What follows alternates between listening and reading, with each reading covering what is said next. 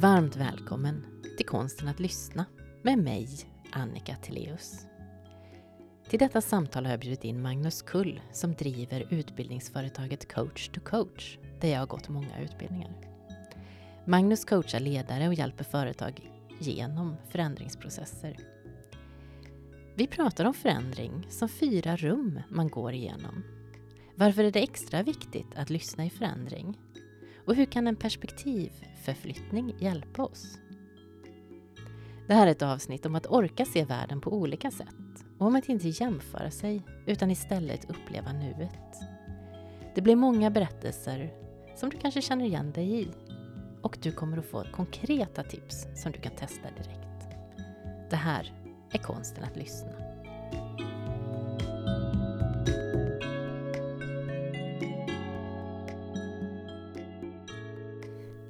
Innan vi börjar så har jag en ritual. Jag har en poddbön och den går så här. Jag bjuder in den klokaste delen av mig till detta samtal. Låt mig vara öppen, äkta och närvarande. Låt samtalet vara varmt, utforskande och fullt av tillit. Låt oss ta fram det bästa hos varandra och välkomna det som sker. Låt detta samtal bli ett fint minne som vi skapar tillsammans, här och nu. Vad härligt! Ja. ja mycket, mycket härligt tycker jag. Mm. Vad bra. Ja. Vad händer i dig? Nej, men det hjälper mig att komma i ett eh, ännu bättre tillstånd där vissa av de här orden liksom triggar någonting och påminner mig om att vara mycket av det som du säger. Istället för att kanske gå in i ren prestation. Mm. Varmt välkommen Magnus Kull. Tack så mycket. Det här med prestation. Eh, jag lyssnade på en meditation precis eh, innan du kom med Bob Hansson och den hette just Hur hanterar vi prestationsångest? Den handlade om prestation. Och i slutet på meditationen så eh, nämner han choklad och hur man ska njuta av choklad. Och det finns bara två steg som du behöver göra för att njuta av chokladen.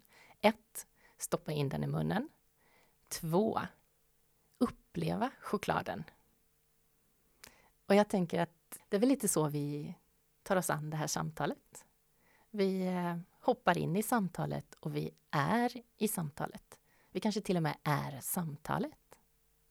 Så kan det vara. Och jag, vet inte, jag tänkte att jag var på någon chokladprovning för massor med år sedan och då sa den personen att det viktiga med det var att låta chokladen smälta i munnen, inte tugga och svälja. och det är väl också att kunna ibland smälta det som sägs och liksom vara en stund i det innan jag sväljer det och går vidare till nästa. Jag var också på en chokladprovning för många år sedan. Och eh, då skulle vi börja med de lättare chokladen med lägre kakaohalt och så skulle man smaka och så. Och sen så när vi kom en bit upp i den här chokladtrappan så säger han, ja då går vi tillbaks och provar den första igen. Och jag blev lite ställd sådär, för den första hade jag ju ätit upp. Och jag hade ju tagit hela bitarna av chokladen hela vägen. Jag hade inte förstått att man skulle spara en bit choklad för att kunna gå tillbaks. Nej, vi får se om det blir som vårt samtal också. Ja, precis. går tillbaka till saker och ting som vi har sparat. Mm. Ja, det är lite speciellt när man faktiskt har spelat in ett samtal. Just att kunna gå tillbaka. Ja. Mm. Du jobbar ju mycket med företag och individer för att eh, hantera förändring, för att hantera sig själv i förändring. Hur hänger det ihop med att lyssna? Ehm, det, det, finns många kopplingar. dels så jobbar jag med mycket ledare eh, och alltifrån att utbilda ledare till att stötta ledare i, i sin verksamhet i vardagen. Och en av ledarnas viktigaste förmåga är att kunna lyssna. Eh, lyssna på många olika sätt förstås. Både lyssna på sig själv men att vara duktig på att lyssna på andra. Eh, när jag leder andra behöver jag kunna lyssna på andra. Och det är en sån klassisk ledarskapsförmåga som vi ofta behöver fortsätta träna på hela tiden. Men också kunna lyssna in, eh, vad ska jag säga, om man pratar om att lyssna in så kanske skillnad från att lyssna. Eh, en organisation, eh, liksom, så, och lyssna in eh, en omvärld för vad som händer. Så det finns många perspektiv på det. Men om jag som ledare inte kan lyssna, då, då saknar jag den grundläggande förmågan för att vara framgångsrik tror jag. Så det är ju ett sätt som det hänger ihop, absolut. Och vad är det som gör att vi ibland slutar lyssna i förändring? Uh, ja, en sak är väl tillbaka till prestation då. vi blir för målinriktade. Alltså vi, vi blir bestämda i, i, vad vi vill uppnå. Och när vi blir bestämda vad vi vill uppnå så är vi kanske inte så intresserade av andra perspektiv helt enkelt. Uh, och det andra som gör att vi slutar lyssna det är att vi är helt övertygade om att vi själva har rätt. Ja. Att, och det är du övertygad om? ja, och, och, tror jag att jag har rätt, då är jag inte heller speciellt nyfiken på, på att höra andra. Eh, sen är det många som tycker om att lyssna på sig själva eh, prata och då vill jag inte lyssna på när andra pratar kanske samma utsträckning. Så det finns flera olika anledningar, men det är några. Mm. Och rädsla kanske? Eh, så, så, kan det absolut vara. Så, oh ja. Vad tänker du själv? Många verkar ju ha en eh, rädsla för förändring. Att eh, man har varit med om processer tidigare där det inte har gått så bra. Man o, blir osäker, man får inte reda på, man får inte tillräckligt mycket information. Och informationen man får kanske man inte kan ta emot just då för att rädslan börjar spöka. Eh, jag var ute och gick en promenad igår med en vän och hon har nyligen eh, sagt upp sig efter att ha jobbat otroligt länge på samma företag. Och när hon hade berättat för sin chef att hon skulle sluta så sa han att han blev helt ställd och att han behövde en stund för att smälta det. Och det tycker jag var så klokt att inte stå kvar i den situationen och låtsas fortsätta lyssna utan att klargöra att nu kan jag inte lyssna mer just nu, för jag, det här ställer till det och stökar till det hos mig. Så jag behöver smälta det här en stund innan vi kan fortsätta att prata om det här. Absolut, eh, och det är ju jag, jag tror att om, om det finns en person som heter Claes Jansen. Han har skapat en modell som heter förändringens fyra rum. Och han pratar all förändring går igenom fyra liksom, rum då, eller faser. Och det första är att jag är nöjd med situationen som den är. Antingen på mitt jobb, eh, en relation jag har, ett boende jag har, eh, med min hälsovanor och så vidare. Och sen så säger han det som händer över tid, är att omgivningen förändras och man själv förändras och så kanske man inte är med på det. Och då går man in i det rummet som heter censur och det är liksom när man vill att det ska vara som det var förr. Men det finns inga förutsättningar för att det är det. Relationen kanske förändrats, jobbet har förändrats, boendet har förändrats, något liknande. Och jag tror att när vi är där, men då vill vi inte höra de signaler som kommer till oss, som talar om för oss att det är dags att vi gör något annat.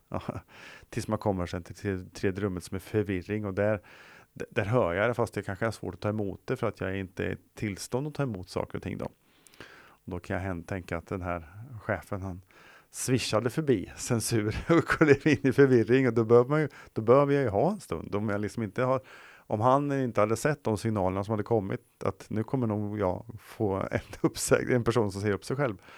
Då kan det ju bli så att man liksom hamnar i förvirring och då, då behöver man ta sig tid och det tror jag är smart verkligen. Och vad är det fyra?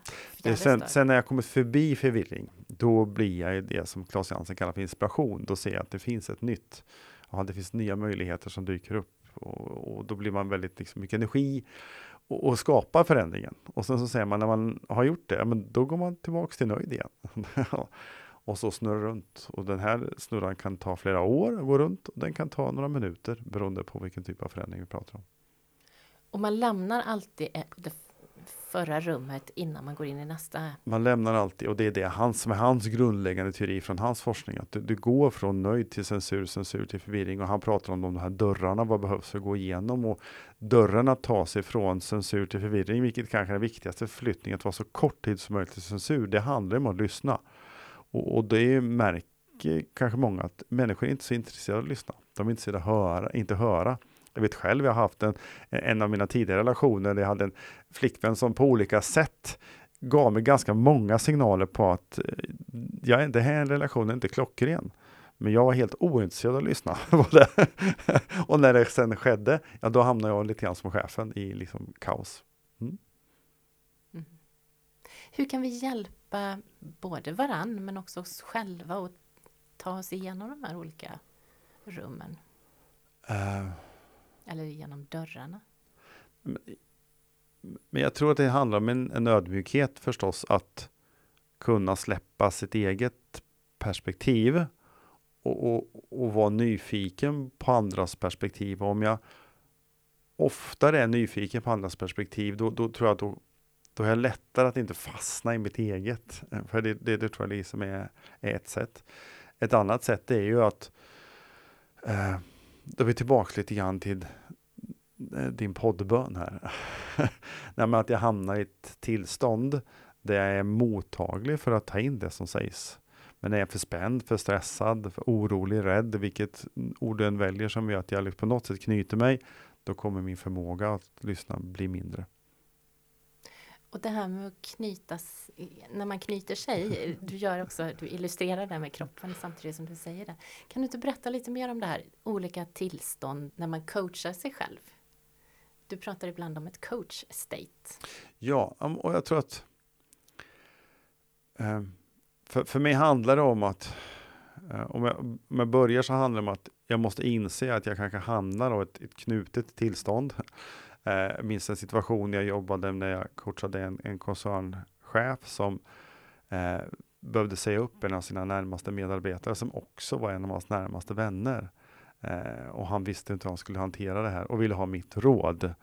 Eh, och då märkte jag i början på samtalet att jag, liksom, jag blev så här helt låst, att jag skulle ge ett smart råd och jag hade inget råd att ge. Så det bara, jag, liksom, jag, jag knöt mig själv mer och mer. Jag liksom andades med korta intervaller, andades högre upp i bröstet och ja, på något sätt spände axlarna och började känna mig orolig.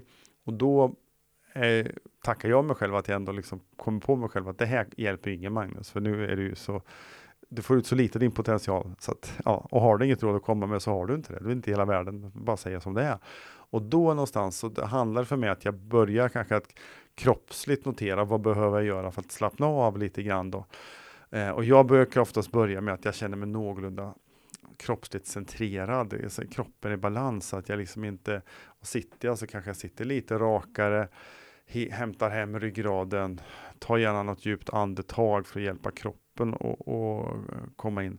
Det andra jag behöver göra är att bara notera vad jag känner och, och acceptera vad jag känner. Och är jag då lite orolig, rädd om det är det. Och ju mer jag oftast noterar och accepterar en känsla, ju lättare är det också att den bara övergår till någonting annat. För känslor är ju liksom övergående.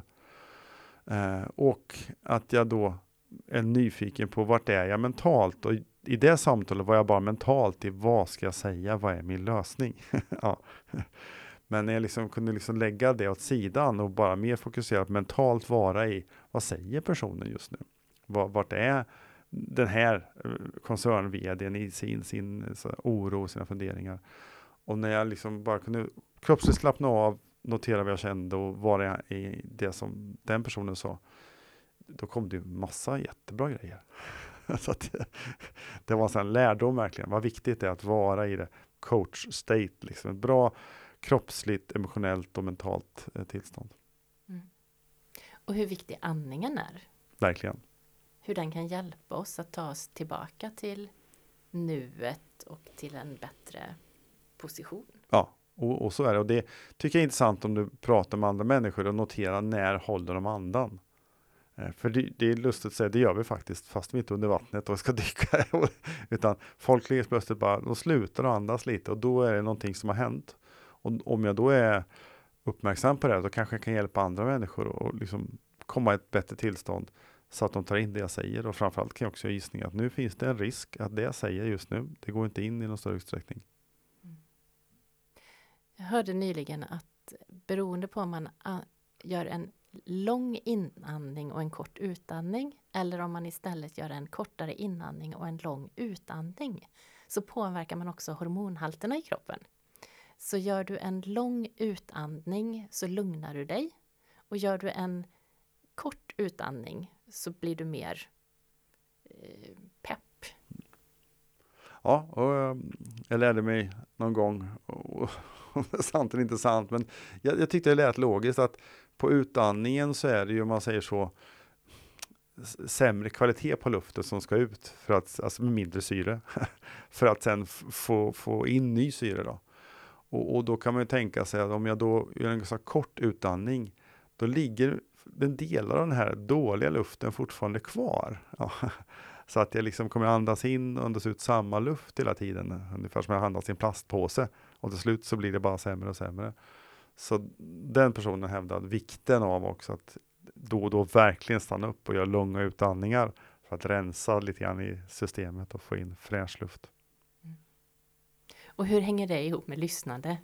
Ja, men då är vi tillbaka till tillstånd igen. Det är ju så det är för mig. Att det liksom stannar upp och bara märker att ett djupt andetag kan hjälpa mig att komma mer här och nu som gör att jag inte är lika stressad och gör att jag kanske också har förmågan att eh, ta in vad du säger. Mm. Jag kommer ihåg, jag hade en av dem som jag utbildade, han jobbade på Arbetsförmedlingen med arbetslösa ungdomar, framförallt långtidsarbetslösa ungdomar. Och han märkte att de kommer oftast in i ett ganska dåligt tillstånd när de kom till honom. Kanske lite uppgivna, hopplösa och kanske stressade. Och han sa att det var, det var svårt kanske att göra, jobba jättemycket med deras tillstånd med alla knep som han hade lärt sig. Men, men han tog just det till. Alltså, han sa till de här ungdomarna, vet, vet du vad? Vi stannar upp och så tar bara tre djupa andetag. Och sen efter det så fortsatte han samtalet. Han sa att det gjorde en enorm skillnad på kvaliteten ja, i deras samtal. Där lyssnade var ju en del, men, men det fanns annat också förstås. Mm. Ibland, ofta så pratar vi om att vi ska mötas och bestämmer en tid och en plats. Men eh, att också fundera på i ton och tempo. Var möts vi i ton och tempo, tid och plats? Då blir det ett helt annat möte. Och då kan vi ju också ta andetaget till hjälp. Absolut, verkligen. Mm. mm. Du nämnde tidigare perspektiv. Ja. Ja. Hur gör jag för att få tillgång till fler perspektiv? Ja, och då skulle jag vilja börja med bara liksom någonstans vikten att förstå att vi tänker i perspektiv och, och se nyttan av att kunna liksom ta in fler perspektiv. Och då brukar vi prata om på våra utbildningar, prata om att man kan tänka sig tre perspektiv. Man kan ha sitt eget, man kan ha någon annans och man kan ha ett mer neutralt, eh, vi kallar det för observatörsperspektiv, där jag egentligen inte tar, går in och, och, tanken är att om jag tänker mitt eget perspektiv, då filtrerar jag det som du säger genom mina värderingar, vad som är viktigt för mig, genom mina föreställningar, vad jag tror på. Eh, och, och, då kommer det liksom informationen sållas på det sättet. Men om jag helt plötsligt tänker ur ett annan persons perspektiv, för många kan exempel vara barnens, jag tänker ur barnens perspektiv. Liksom. Och då funderar jag mer på vad är viktigt för dem?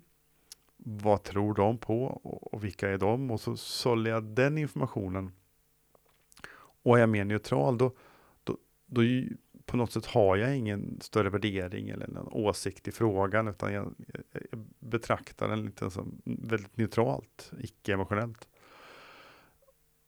Och det första jag behöver göra, det är liksom att jag sitter och lyssnar, som jag gör på dig just nu. Okej, vems perspektiv är jag i nu, gissar jag? och då tänker jag att jag är med i mitt eget perspektiv då. Och, och då blir jag ju tar in vad du säger, vad som är viktigt för mig och vad, vad, jag, vad jag, tror på, så bollar jag tillbaks det. Men om jag då kommer på mig själv att jag är i mitt perspektiv, då kan jag tänka mig, ja, men om jag nu lyssnade på, på Annika ur någon annans perspektiv, då kanske jag tänker, men, ja, men vi kanske tar en lyssnare på den här podden. Och så hittar jag på det här. Ja, då, då blir det någonting annat. Helt plötsligt så hör jag dig säga andra saker, fast du säger samma sak. För att jag liksom tänker att jag är en lyssnare. Och jag börjar då respondera annorlunda beroende på att du sa någonting sådär.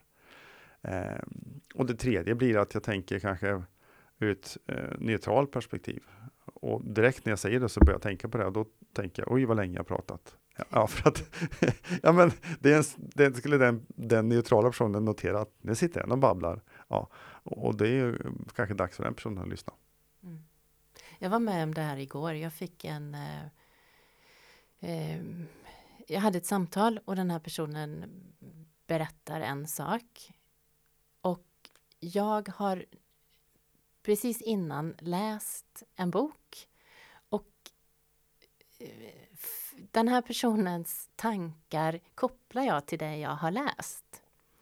Och inte förrän samtalet är avslutat så inser jag att men den kopplingen den var ju inte helt rätt. Och sen blir det ju en prestations... att, att börja fundera på oj, vad skulle jag sagt annorlunda? Eh, märkte den här personen att det blev fel? Eller blev det fel? Det kanske det inte gjorde. Men hur, hur mitt perspektiv var så påverkat av det som precis hade som låg eh, top of mind hos mig. Och att ofta är det lättare i efterhand att bli lite klok på vad var det jag sa? Och hur uppfattades det här? Ja men verkligen. Och jag tror att det eh, att bara bli medveten om det, även om det i din fall var efterhand, är jättebra. För det att jag ändå tränar mig och förstår vad jag då är, man kan kalla det, du, du var primad av den här boken då. men vad, vad är jag primad med? Vad går jag in med i den här situationen? Och ju oftare jag tränar på det, som jag tränar muskel, ju lättare blir det för mig att liksom tänka och på sätt agera och lyssna ur olika perspektiv. Och när jag jobbar med, med chefer, som jag oftast jobbar med, så säger jag att du behöver tänka ur, ur liksom, eh, företagets perspektiv, för du är liksom någonstans ansvarig. Du behöver också kunna tänka ur medarbetarnas perspektiv och kunna ta deras. Du behöver kunna tänka ur kundernas perspektiv. Och kanske samhället om man ska titta på olika. Och, och då behöver du sätta på dig olika lyssnarhattar. Ja. Och, och ju mer jag tränar på det och blir medveten om det, även om det är efterhand, så jag tror jag att då, då ökar kompetensen att kunna göra det. Ja, och eh, kanske också kunna ta ett långsiktigt perspektiv och ett kortsiktigt perspektiv. Mm. Att leka lite med tiden. Verkligen, ja men verkligen. Och jag kan själv, om man pratar om lyssna, så tycker jag att jag är, jag är förbluffad över hur många som är så fast i sitt eget perspektiv. Då. Så sitter runt ett middagsbord eh, här och någon börjar prata om en, eh, en Spanienresa som han har gjort någonstans. Det, det, det är få, för få tycker jag, som är nyfikna på vad den personen just sa och, och någonstans stannar kvar i den berättelsen. Utan man lyssnar bara med sitt eget perspektiv och det gör att man direkt kopplar till sin egen upplevelse. Eh, och, och, kanske börjar prata om att ja, jag läste spanska i skolan, men vi hade ja, så, också. så dåliga jag... lärare, liksom, och så börjar man prata om dåliga lärare. Liksom. Så, så blir det här parallellsamtalet som pågår. Att jag tror att det beror mycket på att man, man, man förstår inte att man är så enormt fast i sitt eget perspektiv istället för att kliva in bara i lyssnarens perspektiv. Mm. Eller alltså, berättarens perspektiv, men om du säger någonting så var nyfiken på, wow, berätta mer. Mm. Vad hände då? Mm. Vad kände du? Ja. ja. Hur gör man för att börja? Att kliva utanför sitt eget perspektiv? Uh, det, det, finns lite olika sätt tänker jag, men jag, jag, tror ju på, som med mycket kommunikation, att se vissa situationer som träning. Ja. Eh, och lyssnande är en träning, det är en förmåga. Och då behöver man ju tänka, var ska jag träna det här? Ja. Och, och, att hitta kanske då situationer där jag känner mig liksom bekväm att träna. Det är den ena delen, att, och, då, och då kan jag träna på, nu ska jag komma, nu ska jag komma i det här mötet, eller det här samtalet. Då ska jag verkligen tänka på att ta det här perspektivet när jag är som lyssnare. Och då hitta ett sätt att påminna sig själv om det. Det andra är att hitta situationer där det är riktigt viktigt för mig. Där jag kanske vet att jag går fel. Ja, för där finns det ju liksom kanske ännu större motivation att verkligen liksom ja, byta perspektiv då, liksom, från sitt eget kanske till någon annans. Eh, så det är en sak. Det andra är ju, handlar om hur, hur gör jag konkret då? Och då är det lite så här, jag brukar ibland ha påminnare vad, i samtalet, när märker jag att nu Magnus, nu har du fastnat i ditt eget perspektiv här. Dags att ta ett andetag och, och se det kanske utifrån. Jag kliver ut först för det är lättast för mig innan jag sen kanske kan kliva in och ta ett annat perspektiv. Och kliva ut? Neutralt. Jag brukar tänka om en helt neutral person som inte hade någon, någon involvering alls eller, eller åsikt i frågan. Om den hade stått och lyssnat på oss just nu och lyssnat på mig just nu. Vad hade den personen sagt då? Ja. Och bara att jag tänker den tanken gör att jag liksom ser mig själv utifrån mentalt och, och ser liksom den jag pratar med. Och det gör att jag liksom får oftast jag blir mer, får mer resurser till, mer möjligheter att faktiskt växla och tänka, men nu ska jag byta och göra någonting annat här. Mm. Jag vet inte hur du känner igen dig i det? Ja, ja men jag kan ibland skriva, jag gillar ju att ha, det, det beror ju på i vilken situation det är, men ibland kan jag ha en liten lapp eller en notering i ett papper att tänk på det här. Tänk på att kliva ur. Om jag behöver uppmana mig själv. Om jag känner att, ja just det, jag har en liten notering här att jag ska göra det eller det. Um, och sen, sen är det ju också det här med att ha ett sånt här samtal. Hur mycket förberedelser kontra hur mycket att vara i nuet att våga svara an på det som händer istället för att följa den här frågebatteriet som jag har förberett i förväg. Ehm, och där känner jag att jag vill vara förberedd. Jag vill ha ett batteri med frågor. Och sen vill jag kunna skippa de frågorna. Och där kan det ju också vara att, ja men eh, skulle jag kunna gå in och ha samtalet utan att vara förberedd. Skulle jag kunna utmana mig och göra det? Ja, det skulle jag kunna göra. Men då skulle också vara en rädsla att jag inte... Då kan jag ju inte... Då har jag inget att falla tillbaka på. Hur tänker du runt att vara förberedd eller eh, vara i stunden? Jag har en sägning som jag hörde för massa år sedan när jag själv utbilda mig som utbildare. Eh, och det var att en bra utbildare har en plan en dålig följer den. Eh, och jag tycker jag lever lite grann efter den devisen, för planen, strukturen, förberedelsen hjälper mig att komma i ett bra tillstånd. Det gör, skapar någon form av trygghet, att jag vet att det finns där.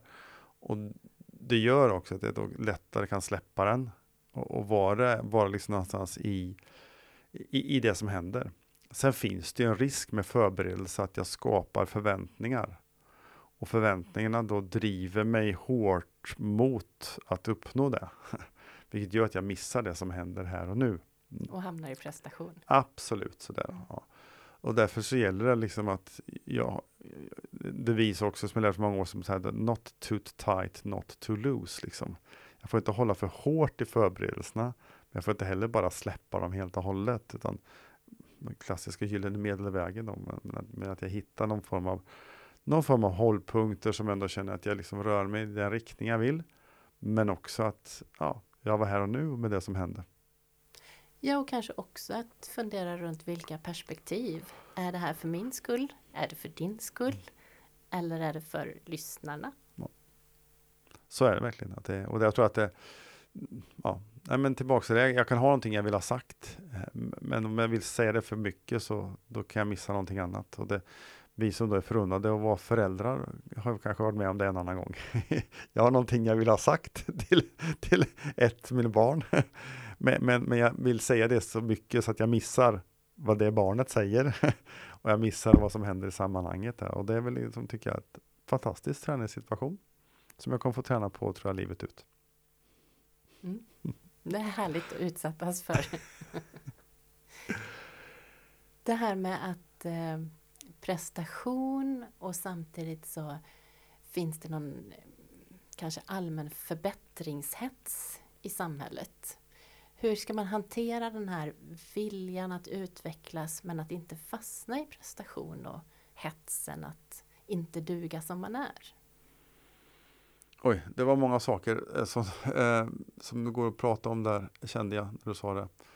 Um, jag, jag tror att en viktig del är ju att hålla isär kanske vad är intentionen med press, alltså, alltså, att jag vill utvecklas, det är intention jag har att utvecklas. Eh, men att inte fastna vid att jag måste utvecklas. Och om jag tar ett, ett exempel, jag mediterar, jag har gjort väldigt många år. Och, och då har jag som ambition att meditera 40 minuter varje morgon och så blir det inte det av. Och då kan jag känna besvikelse över att jag inte lyckas med min prestation. Så. Och när jag pratar med min meditationslärare om det så säger han att det viktiga Magnus, det är att du håller kvar i intentionen av att sitta varje dag. Den vill jag att du håller kvar i. Inte att du fokuserar på prestationen, att du har suttit varje dag. För det skapar en besvikelse som absolut inte hjälper meditation om man nu pratar just det en. Och jag tror det kan vara samma sak här. Jag kan hålla i intentionen att utvecklas. Jag har en intention att vara närvarande i samtalet. Jag har intention att lyssna på dig under den här inspelningen vi gör just nu. Men jag fastnar inte i prestationen. Alltså, utan att, det får vi se vad den blev. Eh, kanske lyckades bra eller dåligt om man nu ska jämföra ut, överhuvudtaget. Men, ja. Eh, och det hjälper mig. Du pratar om det här med att duga som man är då. Och det är någonting som jag tror vi alla kan känna igen på olika sätt. Och jag själv liksom tycker att det som är nyckeln där, det handlar ju om att jag jämför mig själv med någonting annat. Eh, och då tycker jag att blir nyckelfrågan är jämfört med vad? Ja, jag duger inte. Jag jämfört med vad? Så, och, så det kanske har ett specifikt område, att jag duger inte som medarbetare eller som teammedlem eller som chef, ledare eller som mamma eller pappa eller något liknande. Ja, men då är det så jämfört med vad? Och är det då någon form av målbild jag satt upp på något sätt som kanske då inte är bra för mig? Ja, men då kanske jag ska vara nyfiken på det. Eller om det då är olika social media eller jag får andra bilder som jag drivs av då. Så, så handlar det någonstans om att, att våga tror jag, utmana sin jämförelse. Och eh, en önskan jag har är väl att minska på jämförelser generellt sett. Då. Vad händer om jag inte jämför, utan bara upplever? Och vad händer om man stannar kvar i det där nöjdrummet då? Det låter ju rätt behagligt att vara där hela livet. Ja, det, det, det låter jättebehagligt och, och går man tillbaks, om jag bara landar i Claes Jansens eh, tankar så säger han att det är ju mer eller mindre omöjligt för att världen förändras. Ja. Och i och med att världen förändras så kommer våra förutsättningar förändras. Vilket gör att vi kan inte stanna kvar. Och därför så kanske det handlar om att om jag istället krampaktigt håller fast vid någonting som jag hoppas alltid ska vara. Så, så kanske jag istället kan hitta ett flöde att leva i den liksom utvecklingscykel som är. Jag pratade nyss med en mamma här i veckan. Hon nämnde att hennes sista barn flyttade hemifrån. Så, ja och hur, hur hon hade någonstans hållit fast vid att hon ville att barnet skulle vara kvar. Liksom. Så här, det, ja. och, och, och, den liksom, det, det, det krampaktigt jobbiga i att kunna istället förstå att men någon gång flyttar barnet ut. Ja. Och hur hanterar jag det? Det är en fullt naturlig process. ja, man kan ju, ja, något till slut så tänker jag också önska. Men, men, men, att liksom, jag tycker det är ett bra exempel på där man, liksom, där man håller för hårt fast i nöjdheten. Istället för att förstå att det här kommer kanske vara jobbigt för mig. För det är en annan fas jag går in i, vad händer där på olika sätt. Och, eh, men för det så ska jag inte heller bara springa på heller. utan också stanna upp och, och, liksom, och se att det här är jag nöjd med. Och då tänker jag att, att ta olika perspektiv kan ju verkligen hjälpa den här mamman. Hur ser det ut från barnets perspektiv? Ja, men jag vill flytta hemifrån. Och hur ser det ut från ett neutralt perspektiv? Ja. Att ja, men det är en fullt naturlig utveckling att barn lämnar sina hem för att skapa ett eget liv. Ja. Och det är fullt naturligt och det är på ett sånt knep att byta perspektiv så är det så många som gör. Men vad, alltså, om det var, eh, man brukar säga, om det var din kompis eh, som var den här situationen, att hon hade ett barn som var kvar lite länge för hemma, eller eh, hemma för länge. Vad skulle du säga till den kompisen då? Alltså att ge sig själv ett gott råd, fast man gör det utifrån att man tänker att man är någon annan. Mm. Den där är bra. Mm. Mm. Jag har ett medskick till dig som lyssnar i det här med att byta perspektiv. Jag coachade en eh, man som eh, var ledare. Och han hade en, eh, två personer som skulle samarbeta som hade en stor konflikt. Och han visste inte först hur han skulle hantera det här. Vi pratade runt det och just perspektiv. Eh, och han kom, eh, kom fram till att ja, men om jag ber dem att sätta sig ner och skriva ner den här berättelsen först ur sitt eget perspektiv och sen försöka skriva ner samma historia från den andra personens perspektiv. Och han berättade sen att det här hade gjort all skillnad. När de hade skrivit ur sitt eget perspektiv och de var upprörda och det var verkligen, ja men jag har rätt, så här är det. Och sen när de försökte se från det andra hållet så dök nyfikenheten upp. Att hur ser den här personen och vad är det som ligger bakom? Istället för att tycka att den andra var trångsynt och elak så kom det en jättestor förståelse och också en insikt i att uppsåtet inte var ont utan att det fanns en god intention. Så pröva att skriva om det är, om du inte är i situationen så pröva i alla fall efteråt att få tillgång till ytterligare ett perspektiv. Fantastiskt bra tips. Mm. Det är extremt värdefullt. Mm. Kul att höra. Tack för att du delade med dig av det. Du nämnde någonting annat som jag tycker är viktigt här och det är det här ordet med, med positiv intention då, eller god intention och det tror jag kan vara bra att ta med sig, framförallt när jag hamnar i situationer där jag tycker väldigt olika från den andra personen. Och att kunna stanna kvar i ett bra lyssnande perspektiv, att vara nyfiken på vad är, vad är eller vad, vad skulle den andra personens goda intention kunna vara i den här situationen? Vad är det de vill för någonting? Och kan jag kliva in och förstå det, då tror jag att jag lyssnar på ett helt annat sätt. Än om jag bara är övertygad om att han eller hon är dum och fel och elak. Mm. Och där har vi ju hamnat i ett samhälle som där vi är rätt polariserade idag. Och där också löpsedlar, debattprogram. Det finns ett värde i att få folk att vara hårda och tycka olika och dra växlar på det. Så det är inte konstigt att vi fastnar där. Nej, verkligen inte. Och framförallt så är så polariserad och mångfacetterad. Det blir många bilder av olika verkligheter och man, man, man vill gärna måla upp en del av de bilderna lite mer för att ja, det skapar mer uppmärksamhet. Och tyvärr så är det kanske marknadskrafter som driver det, just det. Mm. Hur ska vi göra för att hantera det här? Att, se, att orka se världen på olika sätt trots att vi ser ibland bara en bild.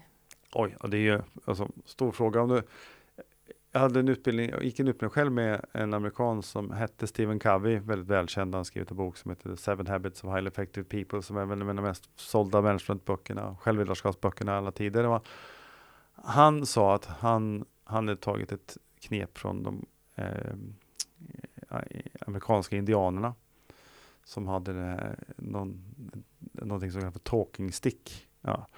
Och, och talking stick är inte att jag pratar, jag håller i pinnen och sen så ger jag pinnen till dig och så håller du i pinnen. talking stick är att du eh, håller i pinnen och så pratar du och så tar jag pinnen och sen så ska jag säga vad du sa för någonting. och sen så lämnar jag tillbaks pinnen till dig och sen får du säga om det du vill säga en gång till så att jag också får säga om det till tills den personen som börjar prata tycker att ja, men nu har den här personen verkligen förstått mig? Ja, nu kan vi lägga ner talking stick ur, ur, mitt perspektiv och sen kan man göra om det ur andra perspektiv. Då. Och han vill ju hävda att när han använt den tekniken, verktyget eller tankesättet så hade han, liksom, han har löst så många konflikter på så många olika sammanhang. Då. Men just det här, och det är väl lite grann tillbaks till egentligen det som du handlar om, du pratar om att skriva. att verkligen liksom uttrycka sig från den andra personens perspektiv i den utsträckning att han eller hon eller de tycker att ja, men nu upplever jag eller vi oss förstådda. Mm. Bra tips. Mm.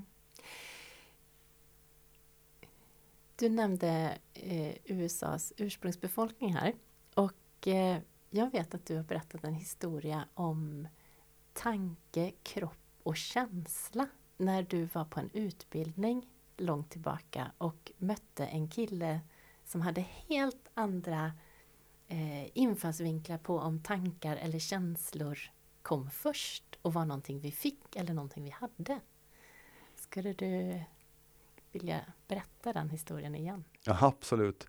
Eh, och den handlar ju om att vi, alltså om man pratar det här med tillstånd, ja, vad bra tillstånd, så finns det ju många modeller som just säger att vi har tre grundfunktioner, vi människor. Vi har liksom vår kognitiv förmåga, vår tanke, emotionella förmåga, våra känslor och vår fysiologiska förmåga, vår kropp. Så där och tittar man i många terapeutiska sammanhang kan man jobba med de här tre perspektiven. Då.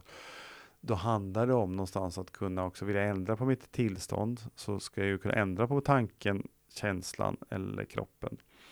Och då brukar jag ibland göra en övning där jag ber människor ändra på sin kroppsställning på något sätt. Och om du som lyssnar nu skulle till exempel bara kunna göra någonting annat med dina händer och fötter eller ställa upp, sätta ner så tror jag att du ganska enkelt skulle kunna göra en snabb förflyttning i kroppen. Och på samma sätt så brukar jag ibland fråga folk att kunna göra en förflyttning i tanken. Ja, men, tänk på vad du åt i frukost. Tänk på vad du ska göra ikväll. Och så kan jag kasta mig runt i tanken ganska snabbt då. Men sen så brukar jag då också skämta lite grann och säga, men titta vad lätt det var att ändra kroppen och, och tanken, nu kör vi känslan. Så jag brukar säga, känn någonting och så byt och känn någonting annat. Och så byt och känn någonting annat. Och då brukar folk skratta. Och det gjorde jag med, för jag sa att det går ju inte. Det är för att eh, känner jag mig deppig, då är jag deppig. Och när jag då träffade den här mannen i USA på kurs och, och, och sa till honom att det där går ju inte. Så sa han precis tvärtom mot mig. Så, det är jättelätt, sa han. Det är ju superenkelt att ändra känslan. Men tanken kan jag inte ändra på. Och då blev jag helt förbluffad. På. Vi kommer med olika världsbilder. Då. Och, och då var hans, när vi sen pratade om det, så sa han, som barn så lärde jag mig, lärde jag mig att gå in och liksom vara olika djur. Och, och, djuren har olika känslor, vilket gör att det är väldigt, väldigt lätt för mig att bara snabbt byta en känsla. Jag kan byta den direkt genom att jag liksom bara väljer att ha en annan känsla. Men det finns någon slags grundfilosofisk säga, tanke hos oss, tanke, men, men eh, att en tanke ibland är någonting jag får som en gåva. Ja, och då ska jag inte bara byta eller släppa den. Utan jag ska vara nyfiken på vart kom den ifrån och vara kvar i den. Liksom. Och jag kommer inte ihåg nu om det var för att om man pratar om det religiöst perspektiv, det kan komma från någon form av väsen till exempel. Så, då, då, ska jag ha kvar den. Så att han sa att jag har svårt att byta en tanke för att jag liksom vill, vill stanna kvar i de tankar jag har. Eh, och jag, det var en av alla ögonöppnare till att okej, okay, världen är inte som du trodde att den var Magnus, utan det finns andra sätt att se på den. Jättebra illustration. Jag, jag har ju gått mycket utbildningar hos dig. Och vid ett tillfälle, jag tror det var att när du berättade den här historien kanske i samband med det, så skulle vi göra en cirkel och dela in den i tre delar. För tanke, kropp och känsla. Och eh, sen skulle vi sätta ett betyg på varje del. Om det var från 0 eller från 1 till 10 på hur väl vi tyckte att det här fungerade i vårt liv precis just då. Och jag tyckte att jag hade rätt bra koll på tankarna, så kanske en 8-9. Tyckte nog att känslorna också var i ordning, 8-9 någonting. Och så sätter jag spontant en 4 på kroppen. Sen när jag tittar på det här så blir jag helt förskräckt. Jag har en fullt fungerande kropp utan eh, smärta någonstans. Och jag sätter en fyra på min kropp. Och så börjar jag fundera på, men vad är, vad är tio för mig? Då visar det sig att jag har en bild av att det är en eh, eh 25-årig man som genomför Ironman. Och det är, ju, det är ju helt omöjligt för mig att uppnå en tia i det läget. Både med ålder och kön och, och så. Um, så det var ju inte helt, det var inte ens realistiskt. Och så började jag fundera på, men vad, vad är noll? Är det konstant smärta? Och på den tiden min pappa var, han var svårt sjuk och jag, när jag började nysta i det här och utforska lite grann så kom jag fram till att nej men han, han är ju inte ens på noll. Och det där var en, en riktig ögonöppnare i och med att jag blev nyfiken på den här starka spontana reaktionen hos mig själv. Så, så insåg jag att ja, men det, är ju, det är ju mer tankarna jag kanske inte har koll på. För eh, nog är min kropp värd också att vara på en 8-9 när den fungerar precis som den ska. Så en, eh, spännande eh, övning och att utforska sig själv och att vara lite nyfiken på eh, var kommer det där spontana ifrån? Och mm. vad berättar det för oss? Verkligen. Eh, och det är vi tillbaka till det här med jämfört med vad, tänker jag. Och intressant att du delar jämförelsen som du hade med den 25-åriga springande mannen. Och även jag har samma kön så känner jag ändå att nej, den bilden skulle inte gynna mig i min vardag. skulle jag gå runt med dåligt samvete hela tiden någonstans med, med hur jag hanterar min kropp. Mm. Ja, och det, det blir ja. ju verkligen i jämförelse med vad? Ja. Att sätta en realistisk tia. Ja. Verkligen så. Ja. Eh, och det som du också är inne här på, det, i alla fall så berör det för mig när jag lyssnar på det, det här med tacksamhet också. Att du säger att jag har en fullt fungerande kropp utan smärta. Det är någonting som jag tycker att vi som... Det är ju värd en tia. Ja, men vi som lyssnar på det här och har det, vi, vi ska verkligen vara tacksamma för det. Sen har jag stor respekt för att eh, vissa som lyssnar på det här, och, men alla människor har inte det. Ja. Nej, och, och, och, det är ju någonting att förstås jobba med då. Uh, men att ha någonting som att vara, vara tacksam över. Det är ungefär som ibland, jag tycker den, den gången jag är mest fysiskt tacksam med min kropp, det är ungefär två dagar efter jag blivit av med kräksjukan. ja, men då är jag nöjd med att jag kan äta, jag kan sitta, jag kan vara någorlunda energi. Jag tycker att det, det livet är på toppen. För att återigen tillbaka till jämförelsen. Då. För att. Så livet är som bäst efter en rejäl kräksjuka? Ja, men lite grann. Jättelustigt på jämförelse, för då har man, varit någonstans nere i dödens dal, känns det som, kanske beroende på hur illa just den omgången var. Men, mm. Mm. Ja, men så kan det vara. Jag har en vän som är i Indien. Vi pratade om, om det här med att bli magsjuk i Indien. Och då finns det en typ av magsjuka man kan få. Jag glömmer bort namnet på det. Men han sa då, den är 24 timmar. Då sa han första, första åtta timmarna känner man sig halvmoloken, så här lite småilla. Eh, och andra åtta timmar känns det som att man skulle vilja dö. Och sista åtta timmar känns det som att man vill dö. Sen går det över så är man pigg igen. Mm. mm. Jag ska ge en liten berättelse om eh, perspektiv. Eh, min son kom hem från skolan rätt många år sedan och de hade haft en konflikt och eh, han var väldigt upprörd. Han kanske var åtta år någonting. Och tyckte att de andra hade haft fel. Och jag hade varit ute och föreläst och jag har ofta med mig eh, lite rekvisita och den här dagen så hade jag haft med mig en eh, siffra, jag hade klippt ut en sexa eller en nia och pratat runt att mm, perspektiv, om vi lägger den här mitt emellan oss, vad ser du? Jo men du ser en nia och jag ser en sexa. Och hur tydligt jag eh, försöker övertyga dig om att det är en sexa. Så jag tar fram den här och pratar runt det här och tycker att jag är extremt pedagogisk. Jag lägger den här siffran på, på golvet och eh, pratar om att jag ska bjuda in dig för att se mitt perspektiv. Men jag måste ju också vara villig att gå till dig för att se ditt perspektiv. Och det är kanske jag som behöver börja med det. Och han är med på noterna och liksom, ja ja. Mm. Och sen så säger han, men mamma, han som ligger på golvet då? Ja, han som ligger på golvet. Eh, Berätta mer, hur tänker du? Ja, men sen, han ligger ju här på golvet och då ser han ju siffran från sidan. Så då blir det ju en etta. Och ehm, ja, det finns alltid ett perspektiv till. Ja, det, det, och det tror jag är extremt värdefullt att ta till sig. Att vi kanske lever i en värld där vi tror att det finns två perspektiv. Rätt eller fel, ditt eller mitt och så vidare. Men att förstå att det finns ett tredje och kanske ett fjärde och ett femte enormt värdefullt och kanske ha med sig den frågan i bakhuvudet vilket ytterligare perspektiv finns det i den här frågan? Det kan vara väldigt värdefullt. Mm. Så det är en jätte, jättehäftig historia. Mm. Jag tror att vi har täckt rätt många perspektiv. Mm. Har du fler perspektiv som du vill? eh,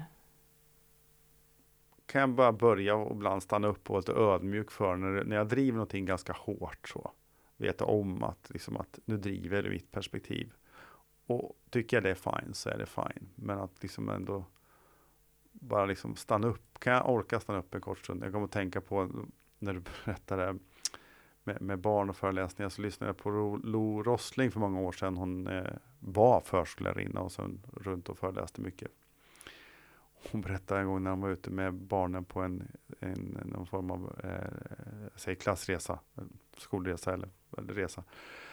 Så stannade de bussen och sen så sa Lo tydligt liksom till att men det här är ett stopp vi gör sen så ska vi åka vidare en bra stund så nu vill jag att alla går på toaletten. Det är jätteviktigt verkligen. Liksom. Så ut nu, gå på toaletten, kom tillbaks hit så ska vi åka vidare.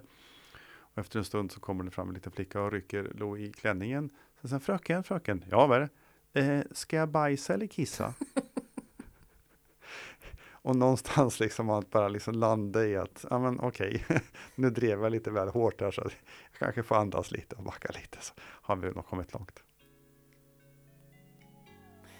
Jättebra. Stort tack för att du kom hit, Magnus. Tack för att du var med, härligt och vad ett härligt samtal.